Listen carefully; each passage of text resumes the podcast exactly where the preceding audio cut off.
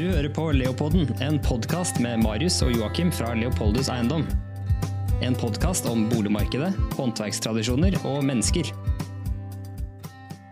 Vi sitter her sammen med Torbjørn Eklund, forfatter og redaktør i Harvest Magazine. Forfatteren bak Stins historie, Gutten på fjellet og Året i skogen. Velkommen til oss, Torbjørn. Tusen takk. Så hva sitter du og skriver på om dagen? Eh, Jeg skriver på Ofte så skriver jeg på ganske mye samtidig. Artikler som skal eh, publiseres i Harvest. Og så skriver jeg på et bokmanus om fugler, faktisk. Som jeg har blitt veldig opptatt av de siste åra. Jeg har liksom aldri tenkt så mye på fuglene før, men, eh, og det er jo på mange måter det den boka handler om. Da, å oppdage en sånn ny side ved verden som når du først har oppdaget den, viser seg å være mangfoldig og veldig, veldig spennende. Hva er den nye favorittfuglen, kan man spørre om det? Ja, det er et godt spørsmål, og der eh, må jeg si akkurat nå at eh, det er fuglekongen. Som altså er en fugl som veier Det er Europas minste fugl. Den veier fire gram. Eh, og er altså Det er fire gram er en god del lettere enn et kronestykke, tror jeg. Vanvittig. Og så var jeg nede på Jomfruland, eh, der de har en sånn fuglestasjon for nå noen uker siden, da trekkfuglene kommer. Og da var det i det nettet til ornitologene så var det en fuglekonge som jeg da fikk holde. Og den hadde kommet fra, mest sannsynlig fra England uh, i løpet av natta. Altså Fire gram fra England. fire gram som har kryssa Nordsjøen Uh, uh, rett og slett og landa, og, og har klart det, da. Så jeg må, eh, jeg må inntil videre kalle fuglekongen en, eh, en favorittfugl. Det er jo et jævlig kult navn på en så liten fugl, da. Ja, det er det. Og der er det jo sånn som det jo stort sett er i, liksom i mytologien, så fins det jo en forklaring på hvorfor den kalles fuglekonge. Jeg skal ikke ta den nå, for den er litt lang og omstendelig, men eh, den har en liten gul flekk på, på toppen av hodet. Og så vidt jeg husker, så var det sånn at Gud sa til fuglene eh, hvem av dere kan fly høyest? Eh, og så skjønte fuglekongen at her må jeg gjøre noe, eh, så den satte seg på ryggen til en kongeørn. Og kom dermed litt høyere enn kongeørnen og fikk en slags gul krone på hodet. da. Sånn er det jo i alle de fortellingene. Dette blir en bra bok, merker jeg. Ja, det kan, det kan bli en uh, Det er i hvert fall gøy å skrive den. Du har reist til, uh, du har reist til Amerika, og det er jo en del research bak det der, er det ikke det? Ja, altså jeg skulle gjerne dratt til Amerika, men uh, det har jo vært litt vanskelig å dra noe sted det siste året. Så jeg har ikke kommet meg så langt foreløpig, men jeg håper å kunne komme dit. For det, det er så mye. Altså det er, det, hvis jeg først begynner å prate om dette, så, så må dere stoppe meg på et tidspunkt. Men det er en så mangfoldig og fantastisk verden. eh, og den er så kompleks, og det er gjort så mye forskning, og det er skrevet så mye om fugler at jeg har ikke vært borti noe lignende. Men man må visse steder, fordi det er noen sånne punkter i verden hvor det har skjedd noe helt eh, ekstraordinært. Da. Så jeg håper å, jeg har, på, jeg har vært på en del reiser allerede og håper å kunne komme på noen flere. Er du litt ute i det lokale, eller det nære miljøet, eller? Jeg har masse. Ja. Har masse. Jeg har uh, bare i hagen, ikke sant. Så er det sånn, Mm. og det tror jeg nok er en av de viktigste grunnene til at eh, så mange er liksom opptatt av fugler, for det er veldig mange som er det. Det er jo at du kan bare kikke ut av vinduet i din egen hage, eller for den saks skyld bare hvor som, hvor, uansett hvor du bor, så er det fugler der. Og den variasjonen i arter og sånn er mye, mye større enn man tror, da. Men du, hvis du ser blant barn, kan de er den, Hvordan er den interessen blant barn, og kan de lære de seg fuglenavn? Eller er det bare bilmerker og, og eh, varemerker som man lærer seg om dagen? Det er jo litt trist, den utviklingen der, da. Ja, fugl, de, Nei, fugl har blitt en fugl. Ja, det er nok litt sånn. En fugl, akkurat som et tre er et tre, der står det tre, eh, og, og der er det en fugl. Jeg tror man må lære man må, man må nok vise dem det, da. At de voksne må fortelle dem at det der er en skjære, og det er en kråke, og det er en kjøttmeis, og det er en blåmeis. Eh, problemet er vel ofte at de, de fuglene er bare en fugl for de voksne også. Ja, så Så denne de, boken de vet rett og slett ikke hva de skal Denne boken skal inspirere de voksne til å, til å ta kunnskapen videre. Ja, eh, eh, jeg håper at den skal gjøre det. Og så tror jeg at det blir nok en bok, og sånn da, tror jeg kanskje alle bøkene jeg har skrevet der, og veldig mye av det jeg skriver, handler om at hvis du handler om å se. Det handler om å liksom bruke litt tid til å observere det som er rundt deg. Så vil du se at det er så mange flere nyanser enn du trodde det var. Og så er det jo veldig sånn fugletitting, tror jeg, som, som veldig mye annet er veldig learning by doing. Du kan lese en bok om det, men du lærer ikke å identifisere arter, f.eks. ved å bare sitte og lese en bok. Du må ut i du må ut i skauen eller uh, et eller annet sted langs kysten eller noe sånt for å Du må se det og Mm. høre det for å liksom klare å, uh, klare å, liksom, å forstå det, da. Men du har jo, du har jo sk- jo nå da en bok om å se. Men du har jo også skrevet en bok om å gå, har du ikke det? Ja, jeg har skrevet en bok om å gå òg, og den handler på en måte også om å se. Så det er sånn eh, et eller annet sted i bånn her så ligger det noe sånn eh, se-ting, da, tydeligvis som sånn tema i, i, i det jeg skriver. Men ja, jeg skrev eh, jeg har skrevet en bok som heter 'Stiens historie', en reise til fots. Og den handler, ja, den handler rett og slett om å gå. Det er liksom grunn, Grunntemaet i den boka er eh, å gå, og det kommer av at jeg Eller kom, det, den ideen oppsto da jeg fikk eh, epilepsi for noen år siden, sånn helt ut av det blå. Det, plutselig så, så fikk jeg sånn eh, anfall og våkna på sykehuset og fikk beskjed om at det, du har epilepsi. Og da husker jeg at jeg var litt sånn Det blir man etter sånn epilepsianfall. Sånne, de kraftigste anfallene. da, Man blir jo litt omtåka i hodet. Sånn at jeg husker at jeg lå på Ullevål sykehus i den senga, og så så jeg på OJ Simpson-dokumentar på, på mobilen, og var mest opptatt av den, egentlig. Jeg tror ikke jeg klarte å ta inn over meg realiteten helt. Ikke før etter et par dager hvor nevrologen kom inn og sa at du kan ikke kjøre bil. Du, epileptikere kan ikke kjøre bil, du mister sertifikatet. Og det som da skjedde, var da fikk jeg litt panikk. Tenkte hva i all verden skal jeg gjøre nå? Jeg har ikke ja, hva, hva skal jeg gjøre uten bilen? Hvordan skal jeg komme meg til steder, og hvordan Ja. skal jeg Altså, ja. Du har jo familie og barn, og det skal handles og leveres til treninger. Og... Ja, ikke sant? Og du skal liksom gjerne ha lyst til å komme deg litt langt vekk noen ganger og sånn. Og det var veldig rart, for da lå jeg i den der sykesenga og så gi- gikk gjennom på en måte i mitt eget hode hva, hvilken rolle spiller bilen i livet mitt. Og den rollen var jo formidabel. Det er liksom et slags sånn nav i livet, ikke sant. Det er transportmiddelet vårt. Men det var jo da ikke et forslag fra nevrologen, det var jo et påbud. Så jeg eh, ble utskrevet fra sykehuset, og så husker jeg gikk ned til Grønland eh, og leverte sertifikatet på politikammeret, helt sånn fysisk. Og så begynte jeg å gå. Eh, og siden da så har jeg gått, og det fascinerende med det var jo at det tok ingen tid i det hele tatt. Etter to dager så hadde jeg liksom ikke, tenkte jeg ikke mer på at jeg altså, det, Å kjøre bil var ikke, en, det var ikke et alternativ. Så siden da så bare gikk jeg. Og så har jeg aldri likt å sitte sånn innerst på trikken, og jeg er ikke noe glad i det. Så jeg, det er veldig sjelden jeg tar trikk og buss også. Så jeg bare går og tilpasser liksom eh, Det handler om planlegging når du skal gå. Det handler om planlegging, Ja. kun, kun det. Det handler om eh, det handler bare om å vite hvor lang tid tar det for å komme fra herfra til det møtet jeg skal på, eller en avtale eller noe sånt. Og hvis det tar en time og ti minutter, så er det bare å begynne å gå en time og ti minutter før. Så er det er det noen helsebringende fordeler ved det å gå, da, fremfor å sette seg i bilen og kjøre. Masse. Men du, har altså da, du måtte jo bare innfinne deg dette her, i, og har jo løst det.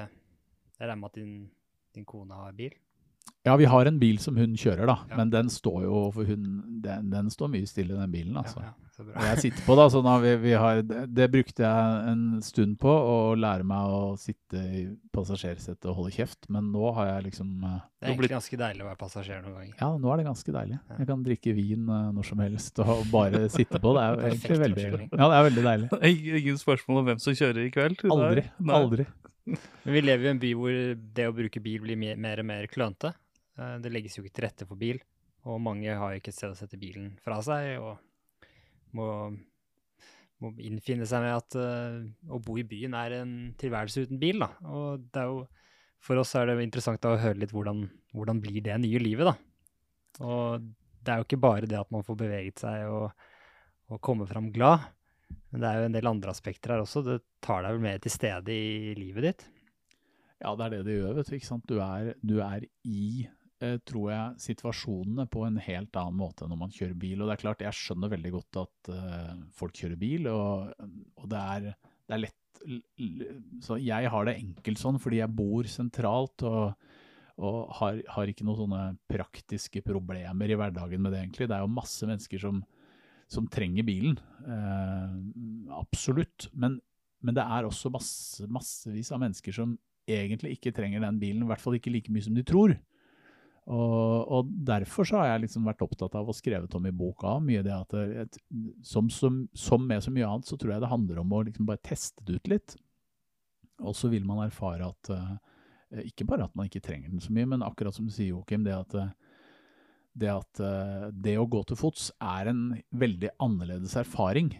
Så hvis du har, la oss si du har tre kvarter til å gå til jobben, da, uh, så, og begynner å gjøre det, så betyr jo det at når du kommer hjem, så har du hatt eh, en og en halv time med trening.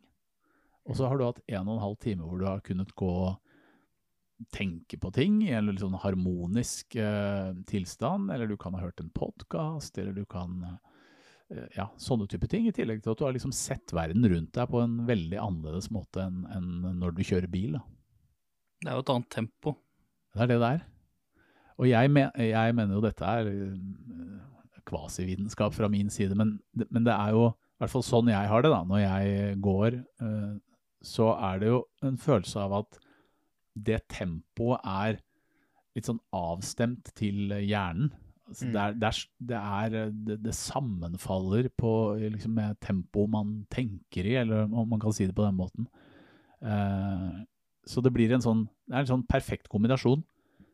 Jeg tror ikke det er tilfeldig at uh, sånn filosofer har jo ofte gått Det kan være litt sånn, noe litt sånn sketsjaktig over det også, men det gikk jo faktisk uh, Immanuel Kant, for eksempel, en sånn litt uh, rigid ja, Han var vel 1700-tallsfilosof. gikk sånne faste turer. Uh, og det er, Jeg liker å tenke at det ikke er helt tilfeldig. Nå har Kant tenkte en del større tanker enn jeg foreløpig har tenkt, men, eh, men, eh, men allikevel, da, det er eh, en form for sånn mental avkobling som jeg tror er kjempesunt. Man ser jo det blant vanlige mennesker, holdt jeg på å si. At man vil jo gjerne opp og gå når man får en telefon. Det er jo ikke bare fordi man ikke vil sjenere de som sitter ved siden av, men det er noe med at tankene og samtalen flyter bedre. Da. Jeg har den følelsen når jeg er i telefonen, at hvis jeg går mens jeg snakker i telefonen, så går samtalen mer fremover. Ikke sant? Mm. Du kommer lenger, og det, Kanskje det er det samme når du går og tenker. da. At, tenk, altså, at tanke, tankene kommer fremover når du går. Jeg tror det er akkurat sånn det er. altså. Og det er veldig interessant uh, det med mobil, nå som vi har mobiltelefoner uten ledning, da, så vi kan faktisk forflytte oss alle reiser seg opp og begynner å gå rundt omkring. Om det var lange ledninger før, da. Jeg ja, det var lange ledninger. fløy rundt på kjøkkenet med lange ja, i hvert fall de der, eh, Jeg husker vi hadde sånn kort ledning hjemme som var sånn, måtte stå bom stille og snakke i telefonen. Det var ikke noe ålreit. Men hvis den samtalen skulle liksom flyte litt sånn uanstrengt, så føltes det veldig unaturlig å stå sånn stille som en statue og prate. Heldigvis var jo de samtalene ganske korte før i tiden, da. Det var sånn need to know basis, ja. ja. ja. På grunn av tellerskritt og det ene med det andre. Mm. Far er død, mor. Ja. Det er uh, to the point. Mm. Ja. Noen ganger egentlig veldig greit. Ja, egentlig. egentlig.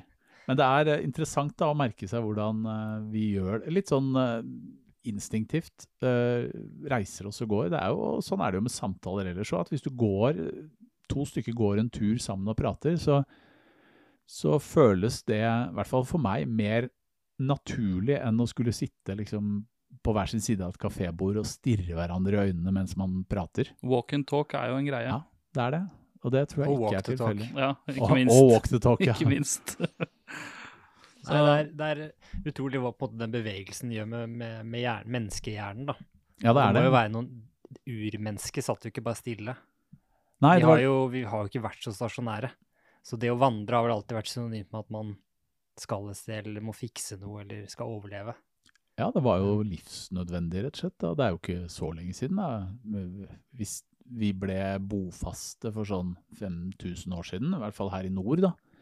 Eh, jordbruksrevolusjonen, og vi skjønte at vi kunne temme dyrene og, og dyrke kornet selv, og dermed bli bofaste. Men før det så var vi jo nomader. Ja, men Det var jo en del nomader etter det òg. Altså, det var jo ikke sånn at man en dag bestemte seg for at nå skal alle bli der. Altså, var... Nei, nei, de fleste var det sikkert. Det var yes. noen sånne innovatører på, i kornbransjen som skjønte det, men de fleste måtte jo fortsatt forflytte seg hele ja, tida. Mennesker har jo flytta seg i alle, alle Vi gjør det jo fortsatt. altså sånn flytte fra Bergen til Oslo Altså, vi flytter oss fortsatt, men, men vi gjør det da på en annen måte i dag, da. En... Ja, Vi har ikke kontakt med den energien, da. Eh, Du skriver i boken om at det mest energikrevende med reisen til utlandet er når du skal løfte kofferten opp på bagasje- eller innsjekningsbåndet. Ja. Og det setter det litt sånn i perspektiv, da, når Ja. du tenker på de 3000-4000 kilometerne du skal nå tilba tilbakelegge deg, da. Tenk det er det mest krevende på den reisen. Ja, det er det, og ellers er det bare å lese avisa og slappe av. Eh, Og tenk hva, det, hva slags reise det ville vært. Hvis, altså Oslo-Bergen, da. Det tar hvor, 35 minutter med fly eller noe sånt. Hva, hva slags reise det ville vært hvis man skulle kommet seg til Bergen fra Oslo eller andre veien eh, uten bil eller eh, fly. Det ville jo liksom vært noe helt annet. Du glemte ikke igjen noe hjemme da. Nei, du gjorde ikke det. Du glemte ikke nøklene på skjenken. Eh, og hvis du gjorde det, så ga du ikke å snu antagelig. Nei. Så nei, men det er interessante perspektiver i forhold til hvordan vi, hvordan vi nå flytter oss, da. Men uh, du har jo gått mye, og en ting jeg lurer på, er jo liksom opplevelsen av det å, det å gå En ting er å gå tur, som er et veldig sånn norsk fenomen. da. Alle skal, skal gå tur, og da går man gjerne i skogen eller på fjellet eller hva det skal være. Men uh, du som da ikke kjører bil, som går i byen, er den Er det noen forskjeller på hvordan det er å Altså, går du tur i byen, for å si det på en annen måte? På samme måte som du gjør det i skogen? Er det, er det noen av de samme parallellene i det å bevege seg der? Ja, det er jo det. Jeg går jo Det hender jeg går tur i byen, men mye av gåingen i byen er jo sånn, mer sånn ærendsbasert. At jeg har et eller annet eh, Jeg skal til et sted av en eller annen bestemt grunn. Men allikevel så er det jo I byen er det jo eh, sånn arkitekturen og sosiologien. da. Du, du ser masse mennesker, du ser masse bygninger og, og byrommet. Mens, og det er Der fin, Det ligger jo en menneskelig plan bak. Mens når man går, i, går tur i Nordmarka eller eh, en annen skog eller langs kysten, så er jo mer liksom eh, tilfeldighetene større. Det er liksom noen andre, noen andre som har skapt terrenget man går i, da. Eller eh, det, det er liksom naturen. Noe annet, ja. Ja, Mm. noe annet. Naturen selv som har liksom forma, er formet på en bestemt måte. Så det er sånn sett egentlig to vil jeg si veldig forskjellige ting. For at, eh, også selvfølgelig det når man går i skogen, uh, fraværet av mennesker. Da. Så du har ikke noen sånne type distraksjoner Mm. eh, sånn som du har i byen. Men jeg liker veldig godt å, å gå i byen òg, det, det må jeg si. Det, jeg syns det også er veldig fint. Og det er jo akkurat det samme som eh, som skogen, det at du går sakte gjennom byen, så ser man jo hvor mangfoldig og flott det er eh, i en by òg. Ja, for det er jo mye man går glipp av i, eh, hvis man bare ferdes med bil. Det er jo mange små stier, små smug, små bakveier som man kan gå, som man ikke ellers har tilgang til, da. Ja, det er det det er. Det er, det er overalt. Og sånn som i Oslo, så Svigerfaren min han er eh, født og oppvokst på Carl Berner. Og nå er han pensjonist, og så bor han Han bor ikke i Oslo lenger, men eh, han har en leilighet, eller de har en leilighet i, i byen som de bruker som en slags hytte. Og da går han alltid turer i Oslo. Eh, og han er jo egentlig altså han, han er jo veldig kjent i Oslo, men han hver eneste gang så har han noe nytt å fortelle meg om et eller annet sånn portrom han har vært inni, eller Og så, så blir man jo, og så skjønner man jo at den byen er en er større enn man tror, og har en historie som er liksom strekker seg langt, langt tilbake i tid. Ja, det er mange skjulte perler i byen vår. Massevis, altså. Men så er det stor forskjell på den, de nye bydelene og kall det de gamle bydelene, da. Det skjer jo mer i, i bybildet i, det, i de gamle miljøene. Det er mer å feste blikket på. Mye mer. Så um, hvordan, hvordan vil du beskrive forskjellen på å gå veilangs i Barcode kontra i Oscarsgata, da? Ja, den er jo veldig stor, må jeg si. Fordi at det er, og det må jo ha noe å gjøre med at uh, La oss si hoppe 150 år fram i tid, da, så, så, så vil kanskje Barcode bli det samme for de som lever da, som eh, Oscarsgate er for oss. At det er jo ingen historie der. Det er jo liksom noe som er lagd eh, en, en helhetlig plan som er gjennomført, da, og som, eh, som nå er liksom virkeliggjort. Så jeg var der første gangen, da jeg var, var der første gang, skulle på et møte der nede, så måtte jeg gå med den der eh, mobil-GPS-en, for det hang ikke helt sammen i hodet mitt, sånn uh, orienteringsmessig. Jeg kjenner jo Oslo veldig godt, men det var akkurat som om jeg klarte ikke helt å inkludere de kvartalene, da. Uh, så for meg er det veldig Det er sånn fremmed foreløpig, i hvert fall. Det kan være gøy selvfølgelig å gå og se på arkitekturen, men det føles ikke som et sted hvor liksom mennesker eh, lever eller har levd. Jeg tror Det her er jo selvfølgelig bare spekulasjon og litt sånn som du nevnte kvasivitenskap, men, men uh, forskjellen for meg er jo at uh, i en del av disse gamle delene av byen vår, så har du et bygg som ett menneske har bygd, og bygget ved siden av er det en annen som har bygd. Mm. Så det er noen andre tanker som ligger vegg i vegg. Mens disse store, nye områdene hvor det er én helhetlig tanke, da, som, som et helhetlig uttrykk, Ja. Så blir det annerledes. da. Det er færre spor etter andre mennesker på et eller annet vis. da.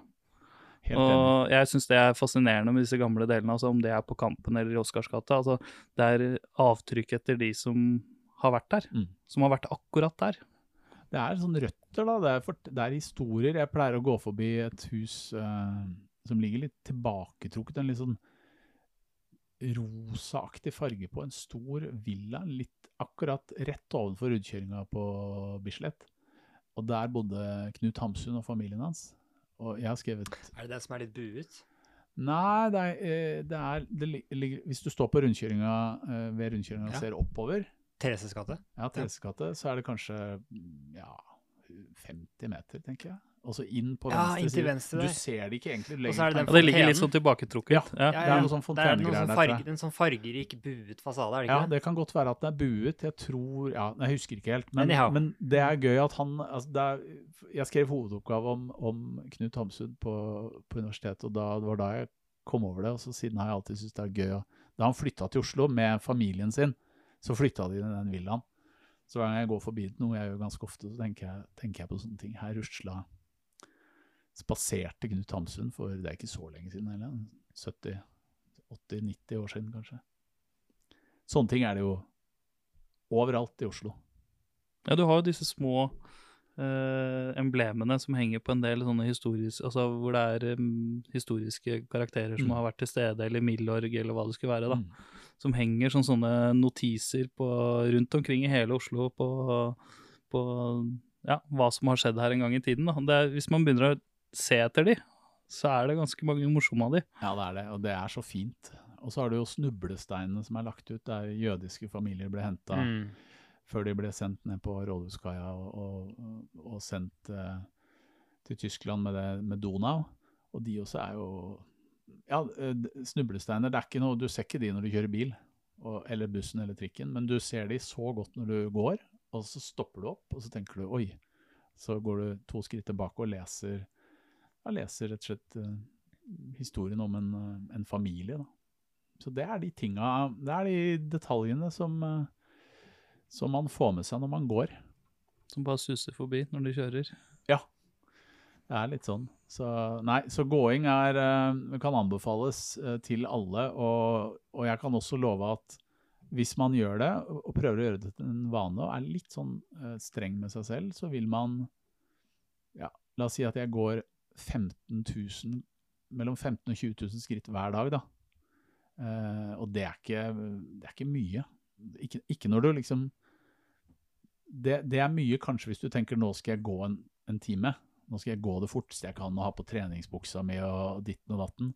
Men summen av gåing i løpet av en dag, hvis gåing er en, et transportmiddel, så er 20 000 skritt eh, helt sånn vanlig. Og det er omtrent det folk legger ut sånn meldinger på Facebook om hvis de har løpt 20 000 skritt. Og sitter 60 timer på kontoret i løpet av en uke, og så løper de 20 000 skritt på søndag. Og så er det Ja, da er det Da vil de gjerne fortelle om hvor, hvor mye de har trent, da. Byen, byen vår var jo opprinnelig Den er jo fra en tid hvor all ferdsel var sykkel, fot eller hest. da. Og by, bil i bybildet er jo relativt nytt. Gatestørrelsen er jo designet en, en annen tid. Mm. Um, tror du det er en, bra, er det en bra ting at Oslo får færre biler? At det blir vanskeligere å sette fra seg bilen og kjøre rundt?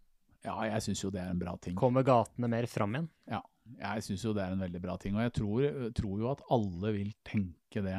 Uh, selv om det er mye motstand også, selvfølgelig. Og, og det er helt naturlig, og jeg skjønner det òg, egentlig. Jeg skjønner at eh, Ikke noe problem med å forstå at, eh, de som har brukt bil i alle år. Og her drister jeg meg til å si at de i all hovedsak er menn. Eh, eh, at de ikke liker tanken på at de skal liksom bli fratatt parkeringsplassene sine og skal måtte liksom finne, på, finne nye måter å, å løse det på. Men jeg tror, jeg, tror det, jeg tror nok det er litt sånn som røykeloven var, at det virka helt crazy og eh, som et slags sånn overgrep da det ble, da det ble gjennomført, og tre uker seinere så syntes alle egentlig det var veldig deilig med Helt, helt til alle våkna på søndag, det var deilig at det ikke Ja, lukta var røyk av klærne dine. Ja, ikke sant? Det lukta Mm. ikke røyk av klærne dine, du hadde ikke vondt i hodet fordi du hadde sittet i et røykfylt rom. Og så var alle enige om at for en kjempegod idé. Ja.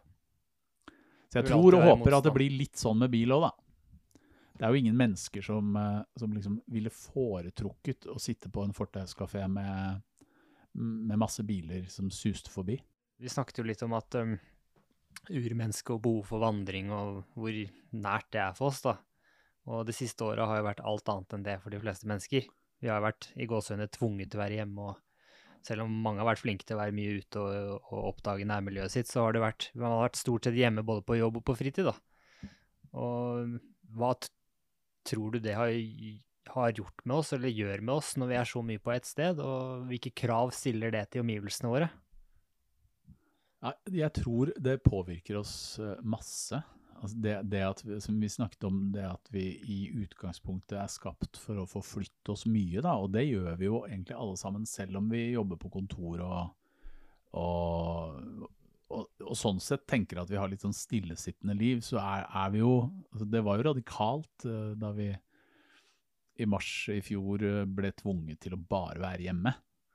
Og jeg, det, men det jeg merka, som jeg merka meg syntes var interessant, siden jeg har skrevet bok om, om å gå, og siden jeg er redaktør i Harvest, hvor vi jo liksom uh, forsøker å skrive mye om den type ting, da, så merka man jo hvor fort folk brukte å gå en tur som botemiddel mot uh, stillstanden, på en måte. I hvert fall i, det, i den Det var jo stort sett lov å gå turer. Altså vi, vi var i isolasjon et par uker, min familie, fordi vi ble smitta. Men de aller fleste var jo, tror jeg, liksom Det å gå tur i skogen eller i naturen var noe, liksom en sånn slags instinktiv respons på, på nedstengningen. Da. Og det, det er jo Ja, det ligger en eller annen sånn sannhet eh, begravet i akkurat det. Det er litt fint. Ja, det er litt fint. Eh, Det, var vel noen ganger at det var, liksom, i hvert fall i Oslo, sånn Sognsvann og området, innfarts, de vanligste inn, inn, sånn inngangsportene til Nordmarka, så var det vel nesten sånn at det var flere mennesker der enn på Karl Johan. Eh, Jeg tror ikke vi er så opptatt av natur eh, på, Vi er ikke så sånn naturromantiske at vi trodde at vi ble liksom kurert for korona av å gå tur i Nordmarka, men det, men det er jo interessant å se at det er nordmenns måte å liksom respondere på sånne situasjoner, da. Det ligger der i bånn. Ja, det virker vis, sånn. Mm. Hva med dette med hjemmekontor og, og, og at alt foregår i ett, i ett miljø? Tror du, det er, tror du det er bra i lengden?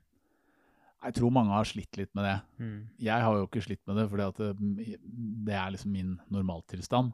Mm. Jeg, har, eh, jeg kunne jobba som en slags sånn rådgiver og konsulent for staten, tror jeg, de første månedene av, eh, av eh, pandemien, fordi at jeg er så vant til å ha mm, hjemmekontor. Men, men jeg er også da veldig vant til at man må bevege seg i løpet av dagen. fordi at det, bare det vi snakka om i stad, det med at du går glipp av reisen eh, til og fra jobben, da, om den er med bil eller tog eller buss eller til fots eller med sykkel, så går du jo glipp av den.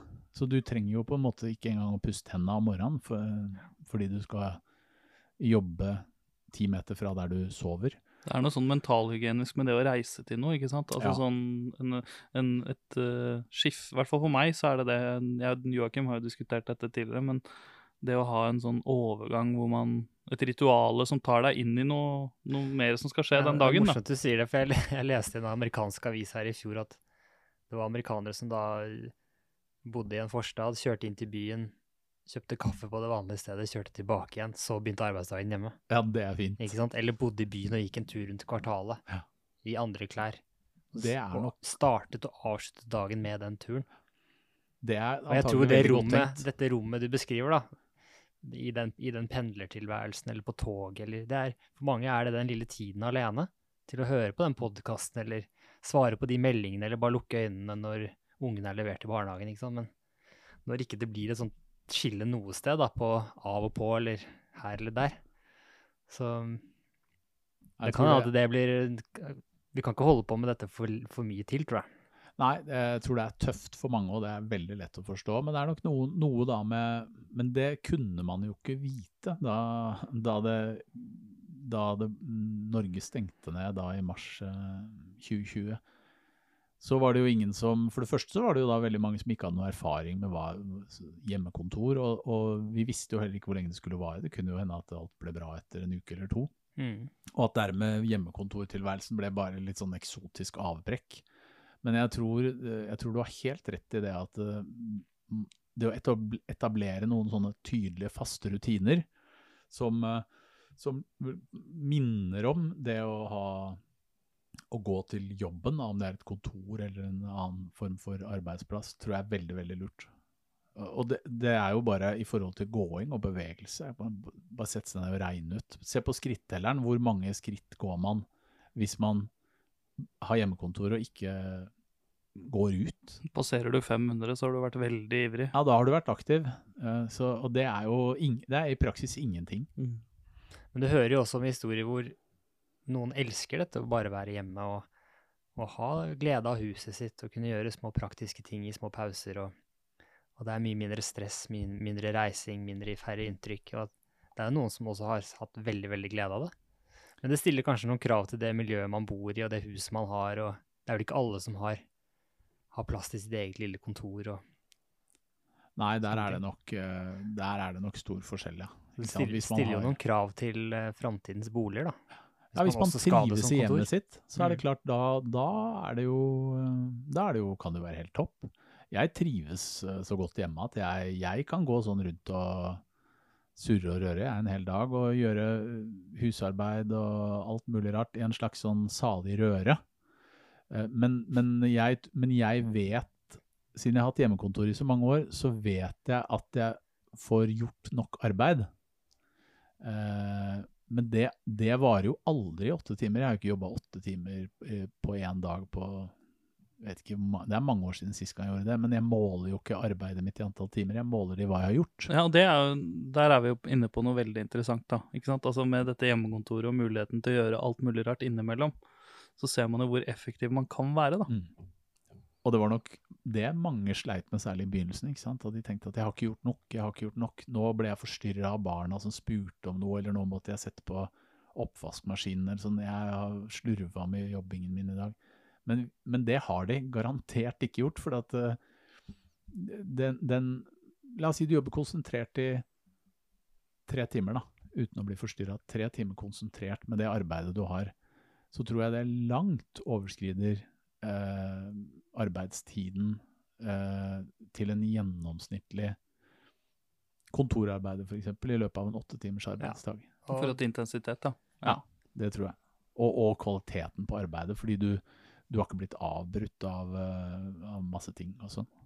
Og så er det også en grense der. på Når du nærmer deg fire timer, så når du det taket for hvor mye du klarer å konsentrere deg gjennom en dag, faktisk. Det er det du gjør. Hjernen sant? har ikke kapasitet mer. Er Så du, liksom, du får egentlig bare svaret på da har du konsentrert deg. Og hvis du er sliten etter tre-fire timer, så er svaret ja, da har du konsentrert deg. Ja, Dag Solstad, forfatteren, han har et veldig fint svar på, på det. For har, eh, det er en bok som jeg er så glad i, som er Hans Olav Brenner, som har sånne lange samtaler med liksom de mest kjente romanforfatterne vi har. Knausgård og Dag Solstad og Lars Saabye Christensen og og alle de, og det interessante med dem Egentlig så burde alle lese den boka, da, for de har jo alltid hatt hjemmekontor. Mange av de debuterte og solgte såpass mange bøker med en gang at de kunne liksom tillate seg å De kunne leve av forfatterskapet, da. Og, og den er interessant, den boka, fordi at de har jo da funnet ut hvilken måte å jobbe på er den beste for meg. Og Dag Solstad, så vidt jeg husker, han står opp Han jobber fra syv eller så er det Lars Saabye de, fra syv til ni om morgenen. Og, og så er da arbeidsdagen er slutt klokka ni. Og så har han blitt konfrontert med det å jobbe to timer, er ikke det veldig lite? Og da svarer Solstad husk at verdensrekorden i maraton er ca. to timer. Så det, kan, det, er noe man kan sånn, Det er, kan være en sånn Hadde du sagt til en som løper maraton, at når han er ferdig med å løpe en maraton, at du har ikke løpt langt nok, på en måte? Ja, nei, da hadde han blitt sur. Mm. Og da ville han sagt at jeg har, jobb, jeg har jobba eh, både lenge nok og hardt nok for i dag. Nå vil jeg hvile. Men eh, jeg tror nok, eller jeg merker jo det på alle rundt meg, at de sliter med, og det skjønner jeg innmari godt, sliter med at, eh, at det, er, eh, det er vanskelig å liksom måle sin egen arbeidsinnsats. Og så tror jeg jo, det var i hvert fall mitt inntrykk, at da, da, da hjemmekontortilværelsen starta for et år siden, så må det jo også ha vært sånn at bedrifter mis, på en eller annen måte liksom mistenker at deres ansatte bare sitter og surrer og spiller Fortnite, eller at de må liksom overvåke sine ansatte. da. At hvis de får fri, frie tøyler og er et annet sted, så, så jobber de ikke. Det syns jeg jo er eh, Ja, nei, jeg tror det er litt sånn rise to the occasion. Når folk får den tilliten, så jobber de mer, tror jeg. Det tror jeg også. Ja. De vil ikke miste den friheten det kan være på sikt, da. Nei. For den framtiden blir sikkert at mange vil jobbe hjemmefra kanskje noen dager i uken. Og det er jo den beste søknaden for at det kan være mulig i framtiden, at man fikk det til nå, da. Ja, og det, hadde, det tror jeg hadde vært et Jeg tror det hadde vært eh, noe sånn folkehelsemessig fantastisk hvis muligheten forelå. Mm.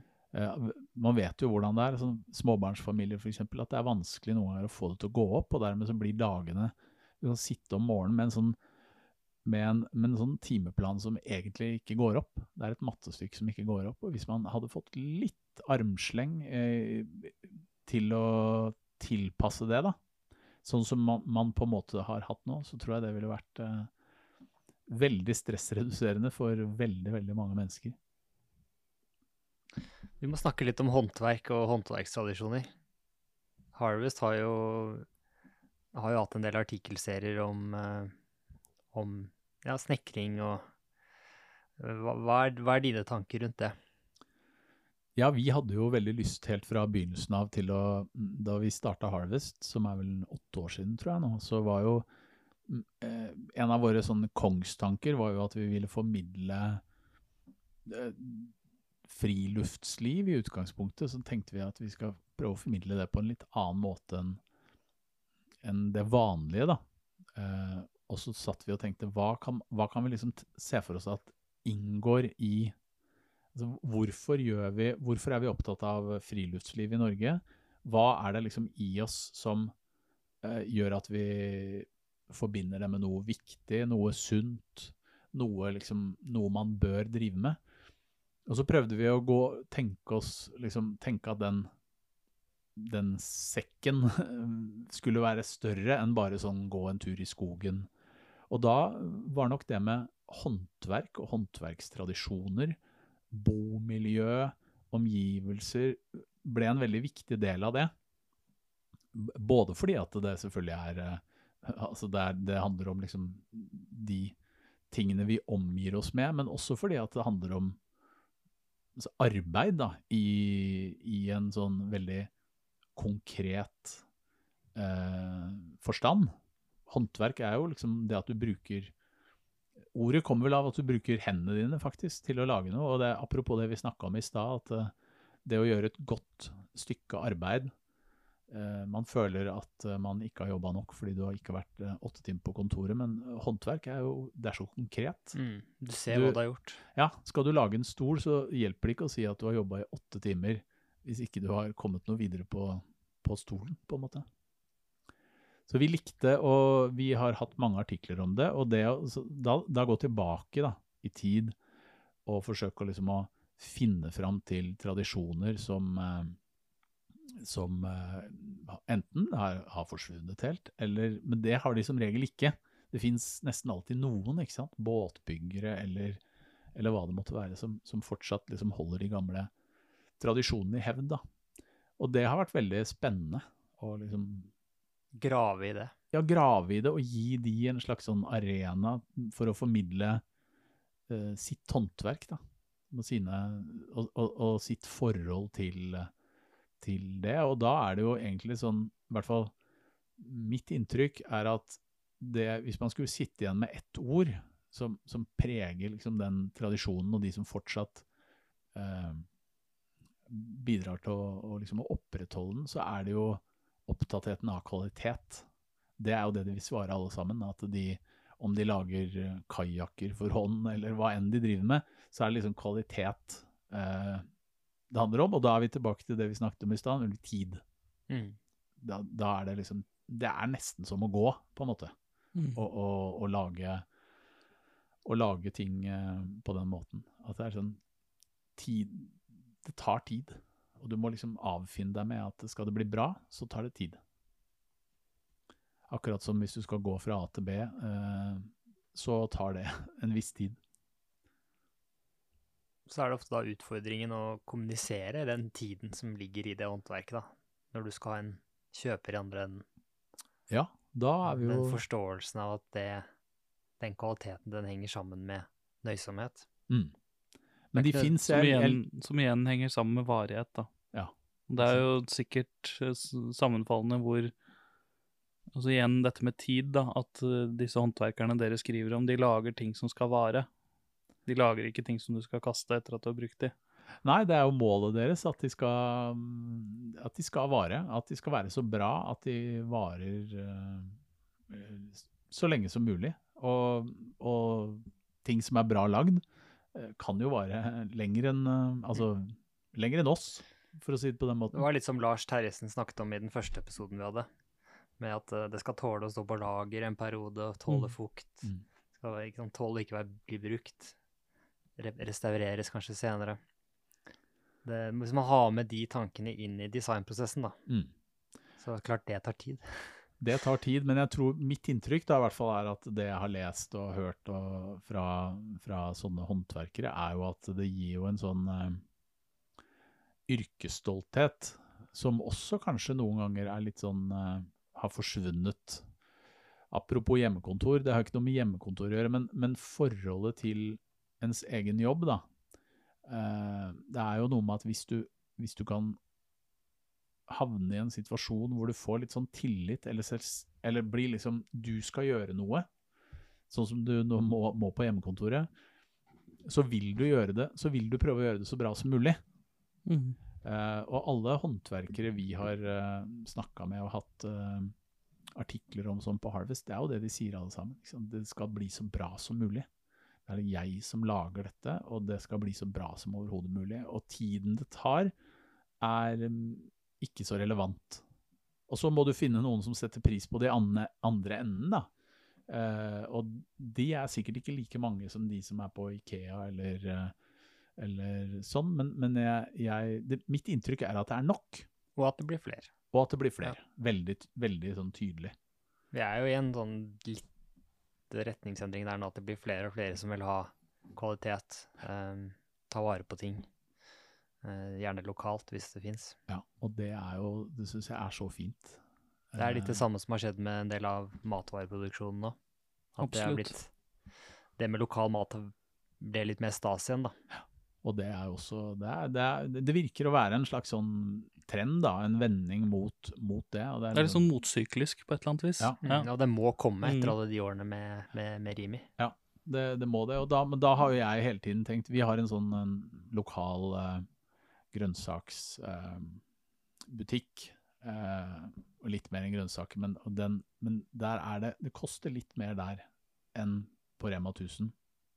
Men da har jeg hele tiden vært opptatt av det, hver gang vi har sånne samtaler om det, at vi, må, vi må betale det lille ekstra det koster. For at hvis ikke så Man kan ikke liksom eh, være opptatt av bærekraft og lokal, lokal mat og, og håndverkstradisjoner og sånn, hvis man ikke er villig til å betale litt mer. Da, det er jo måten vi, det er jo liksom måten oss vanlige forbrukere støtter opp under den, den uh, trenden på, da, eller hva man skal Ja, si. du kan si at du vanner den planten du vil ha skal vokse, da. Du Ja. vanner med penger. Det er det du gjør. Du må liksom, og det er ikke sånn, så kan man si ja, det har vi ikke råd til, men, men eh, Har vi råd til å miste de, da? Nei, jeg syns i hvert fall det ville vært veldig ille. Så min, min sånn lokale grønnsaksbutikk har jeg tenkt at eh, der skal jeg bruke mine penger på så mye som mulig av mitt husholdningsbudsjett skal gå til den butikken. Det er jo mange perspektiver i en sånn, i en sånn type prosess også, ikke sant. Altså, det å kunne gå bort der og handle er jo, har jo en verdi. Det er en kjempeverdi. Ja, og da har du- du sånn lokalmiljø, ikke sant. Det er sånn masse ting som jeg tror jeg er kjempeviktig. Det er, poenget mitt er at det er et komplekst regnestykke, da. Selv om gulrota koster én krone mer per kilo, Det så er er det, så er det, en, det er en helhet i det som, som er interessant. da. Si at den gulrota kommer rett fra bonden, så kanskje den varer fire dager ekstra i kjøleskapet. da. Og da er Kanskje den er litt sunnere for deg òg? Ja, og smaker en god del bedre. Ja, så, da er spørsmålet er den dyrere. Ja, for meg er den ikke det. Nei. Nei. Det er ikke, jeg, kjø, jeg kjører ikke til Sverige og kjøper kyllingfileter, og jeg ville heller ikke gått til Sverige for å kjøpe kyllingfilet. Jeg kan godt gå til Sverige, men det er ikke for å spare penger på kylling. Eh, den, den kjøper jeg heller et annet sted. Må man i karantenehotell der når man går? Kun i bil. Ja, Det er, det er jeg faktisk usikker på, men uh, det kan jo hende det går an å Det går an, mer an å snike seg over grensen da, i noen, Ja, gjennom en en tett granskog. Ja, det er jo noe skogholt i Nord-Sverige. Ja, det er jo det er mye av det. Nei, det å støtte opp det lokale, det er, um, det er et must hvis det skal fremdeles være der for neste generasjon. Jeg tror det, altså. Jeg tror det gir mening i en sånn eh, Ja, i en sånn forstand eh, som eh, Som vi kanskje sjelden tenker på, men, men jeg tror det er noe med det der med å, å liksom ja, Merka det også mye under korona, det med liksom lokalmiljøet. For nå har folk gått litt rundt hit og dit og på, på en nesten litt sånn fascinerende landsbyaktig måte, i hvert fall der hvor vi bor, da. Og da blir jo plutselig den lokale butikken blir jo et sånn blir et slags sånn sentrum hvor du Eller den benken i den eh, parken i sameiet. Den får plutselig en helt annen standing Ja, den enn det det. den hadde tidligere. Mm. det, er veldig, det, har vært, eh, det har vært veldig rart og fint å se. At folk har sånn bålpanne i hagen og griller og holder på. Og det En ting er at de gjør det nå med, på forsommeren, men de gjorde det jo i november og desember også. Det blir jo mer levende. Veldig mye mer. Det der landsby altså Litt sånn følelsen av å rykke 100 år tilbake i tid, da. Ja, og så ser man, men man ser det jo også på fokuset på hjemmene. Altså oppussingsrekorder og det ene med det andre. Det handler jo om at den, den bevisstheten rundt hvordan vi skal ha det der vi lever, den har blitt større da, ved at vi, altså, vi er åtte timer mer våken hjemme. Er helt åpent. Det har, eh, det har opplagt hatt noen effekter, da. Og det er jo også veldig interessant, fordi da, da er vi jo liksom innenfor hjemmets uh, fire vegger, eller hva det heter. Så er det jo Ja, det er sikkert sånn. Har man har sittet inne på hjemmekontoret sitt, og så har man tenkt da, på, på liksom omgivelsene. Kanskje vi kan gjøre noe her, kanskje vi kan endre litt på det. Og alle har det jo sånn hjemme at det er, alt, det er, det er, det er liksom ting man Når man bor I hvert fall sånn har jeg det veldig, at når man bor et sted, så vil man jo over tid utvikle noen sånne tanker. Noe liker du, og noe liker du ikke helt. Og da mener jeg ikke at du har eh, Oppvaskmaskinen burde vært eh, mer, mer high-tech, men jeg mener mer sånn at du er i et rom som du trives bedre i enn et annet rom i din samme bolig, f.eks. Og så sitter du der så mye under, under eh, I hvert fall sånn hadde jeg det litt, da. Under nedstengning. At det begynte liksom å bli mer sånn tydelig for meg hvorfor. Hva, kan, hva, hva er det ved dette rommet som gjør at jeg alltid går hit når jeg skal skrive med Mac-en på fanget? Hvorfor sitter jeg i den stolen her i Ja, det ja. hjørnet? Ja. Veldig sånn. Mm. Jeg skulle gjerne hatt, uh, likt å ha et sånt kamera oppi, oppi taket som jeg hadde spilt av for å se liksom, bevegelsesmønstre. Sønnen, vår, eh, sønnen min han er tolv, og vi har en sånn liten grønn stol som står ved siden av en panelovn. Og han kommer opp hver morgen fra soverommet sitt når han våkner, så sleper han med seg en, eh, en dyne, og så krøller han seg sammen på en merkelig måte i den stolen. Den er litt sånn rund.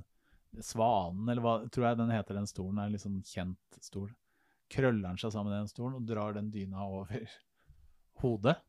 Og så ligger han der en halvtimes tid før han uh, gjør noe videre. Så der, der er det et eller annet, et hjørne som han liker, da. Det er hans plass, på Ja. et eller annet vis. Ja. Det er reptilhjernen som, som frakter han fra senga til den stolen hver dag. Så det tror jeg også vi har tenkt mye på. Jeg, jeg har gjort det selv masse. Tenkt masse på det. Hagen har jeg holdt på i og styra i. og Mm. Skulle tro det var blir bra oppmøte på dugnaden i sameiene i, i år. Ja, det burde det bli, altså. Og masse meninger om uh... Ja da. Det hører jo med. ja, det hører med. Det høres ut som en sånn type diskusjon som ender i noe bra, da. Jeg tror det. Ja. Uh, og i år mer enn noen gang tidligere. Dere skriver jo også litt om restaurering, eller det å reparere. At uh, vi har levd i en tid nå hvor det å bare kjøpe nytt har vært billigere og mer rasjonelt. Eh, hvis man tenker inn i møbelproduksjon og ordentlig fine ting, da. Mm. Det mindsettet der med å ta vare på ting og fikse ting. Ja, det har vi hatt. eh, Det har vi skrevet mye om, hatt mange artikler om, og det syns jeg også er en av de ja, en av de virkelig sånn fine tingene som det, Den samme type sånn trend som eh, det, vi- mye av det vi har snakka om, det at det går i den retning.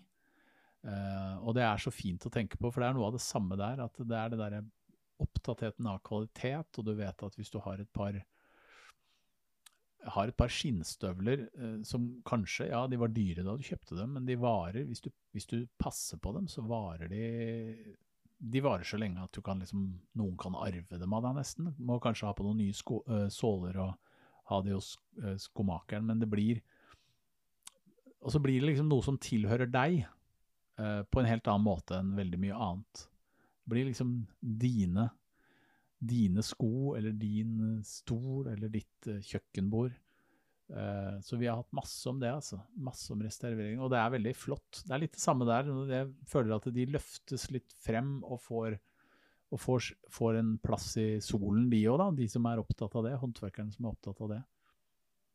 Så Nei, det syns jeg er en veldig fin eh, ting. Og det, det har jo noe med ja, jeg, tror det også har noe med tid å gjøre, og noe med røtter, og noe med den derre følelsen av å tilhøre noe som har vart lenge.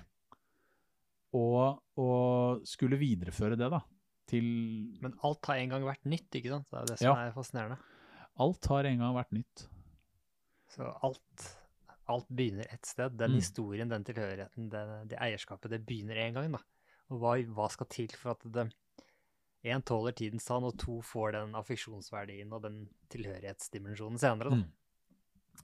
Det er veldig, og, og, og så kunne man jo gjerne se for seg at man liksom trer inn i den kjeden på et tidspunkt, da, selv, som, eh, som enkeltindivid og som en familie og sånn, og så er det noe som er eh, nytt, og så er det noe som er eh, gammelt, og som man kanskje har arva fra sin egen familie, eller, eh, eller for den saks skyld kjøpt på et loppemarked.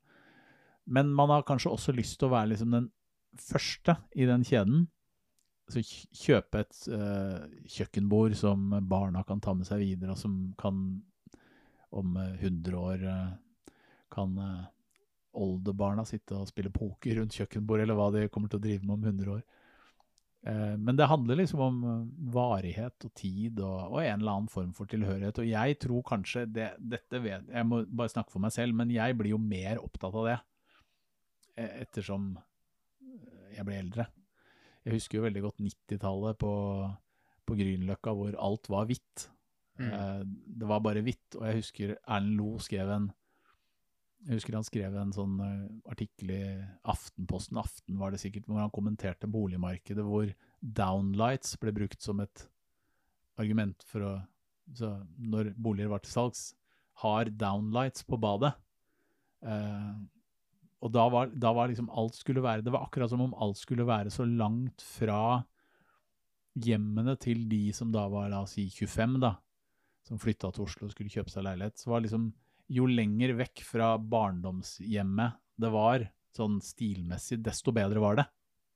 Det skulle bare være en, den rake motsetningen. Ja, og den rake motsetningen på 90-tallet til liksom barndomshjemmet fra 70- og 80-tallet i Norge var sikkert at alt er, alt er hvitt. Ikke sant? Bort Eh, fra panelen, furupanelen og alle de ja, tingene. mm. Og jeg husker jeg syntes det var så fint. Jeg tenkte at alt er hvitt, det er jo helt uh, merkelig. Men det var jo det var ikke noe furupanel der i går, nei. Hvitt det- er en veldig vanskelig farge, da. Øyet leter etter kontrast, og det sliter den voldsomt med i det hvite. Ja, Den faller ikke til ro. nei, ikke sant? Og det, det har jo jeg merka nå etter hvert, for nå har vårt hjem bare blitt fullt av alle mulige ting. Mm. Farger. Er farger overalt og alt mulig forskjellig. Og det er jo mye mer personlig nå, eh, selvfølgelig, enn det var. eh, og masse liksom å feste blikket på. men det er mulig det har noe med alder å gjøre, jeg vet ikke. Altså, det er jo trender, selvfølgelig, og, og, det var 90-tallet var jo liksom ja, hvitt. Alt var hvitt hele tida. Men eh, jeg følte ikke at det var liksom noe særlig sånn bestandig. Det var, det var et, et, slags blaff. Det varte ganske lenge. Men, men jeg, er, er, jeg, er, mye mer over i liksom, huset fullt av ting fra alle mulige kanter. Og, og, og da, jo, da, ser jeg hvordan liksom, våre barn da, vokser opp i akkurat det hjemmet der.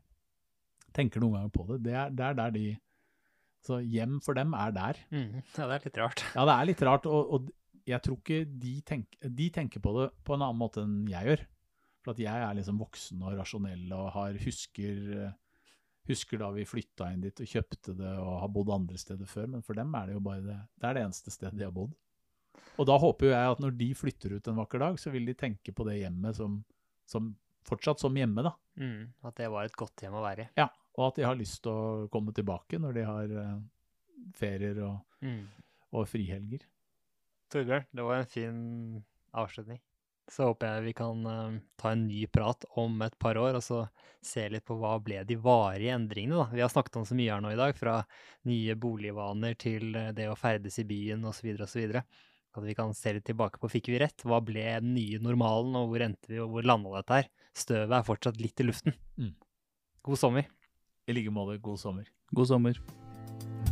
Du hører på Leopolden, en podkast med Marius og Joakim fra Leopoldus Eiendom. En podkast om boligmarkedet, håndverkstradisjoner og mennesker.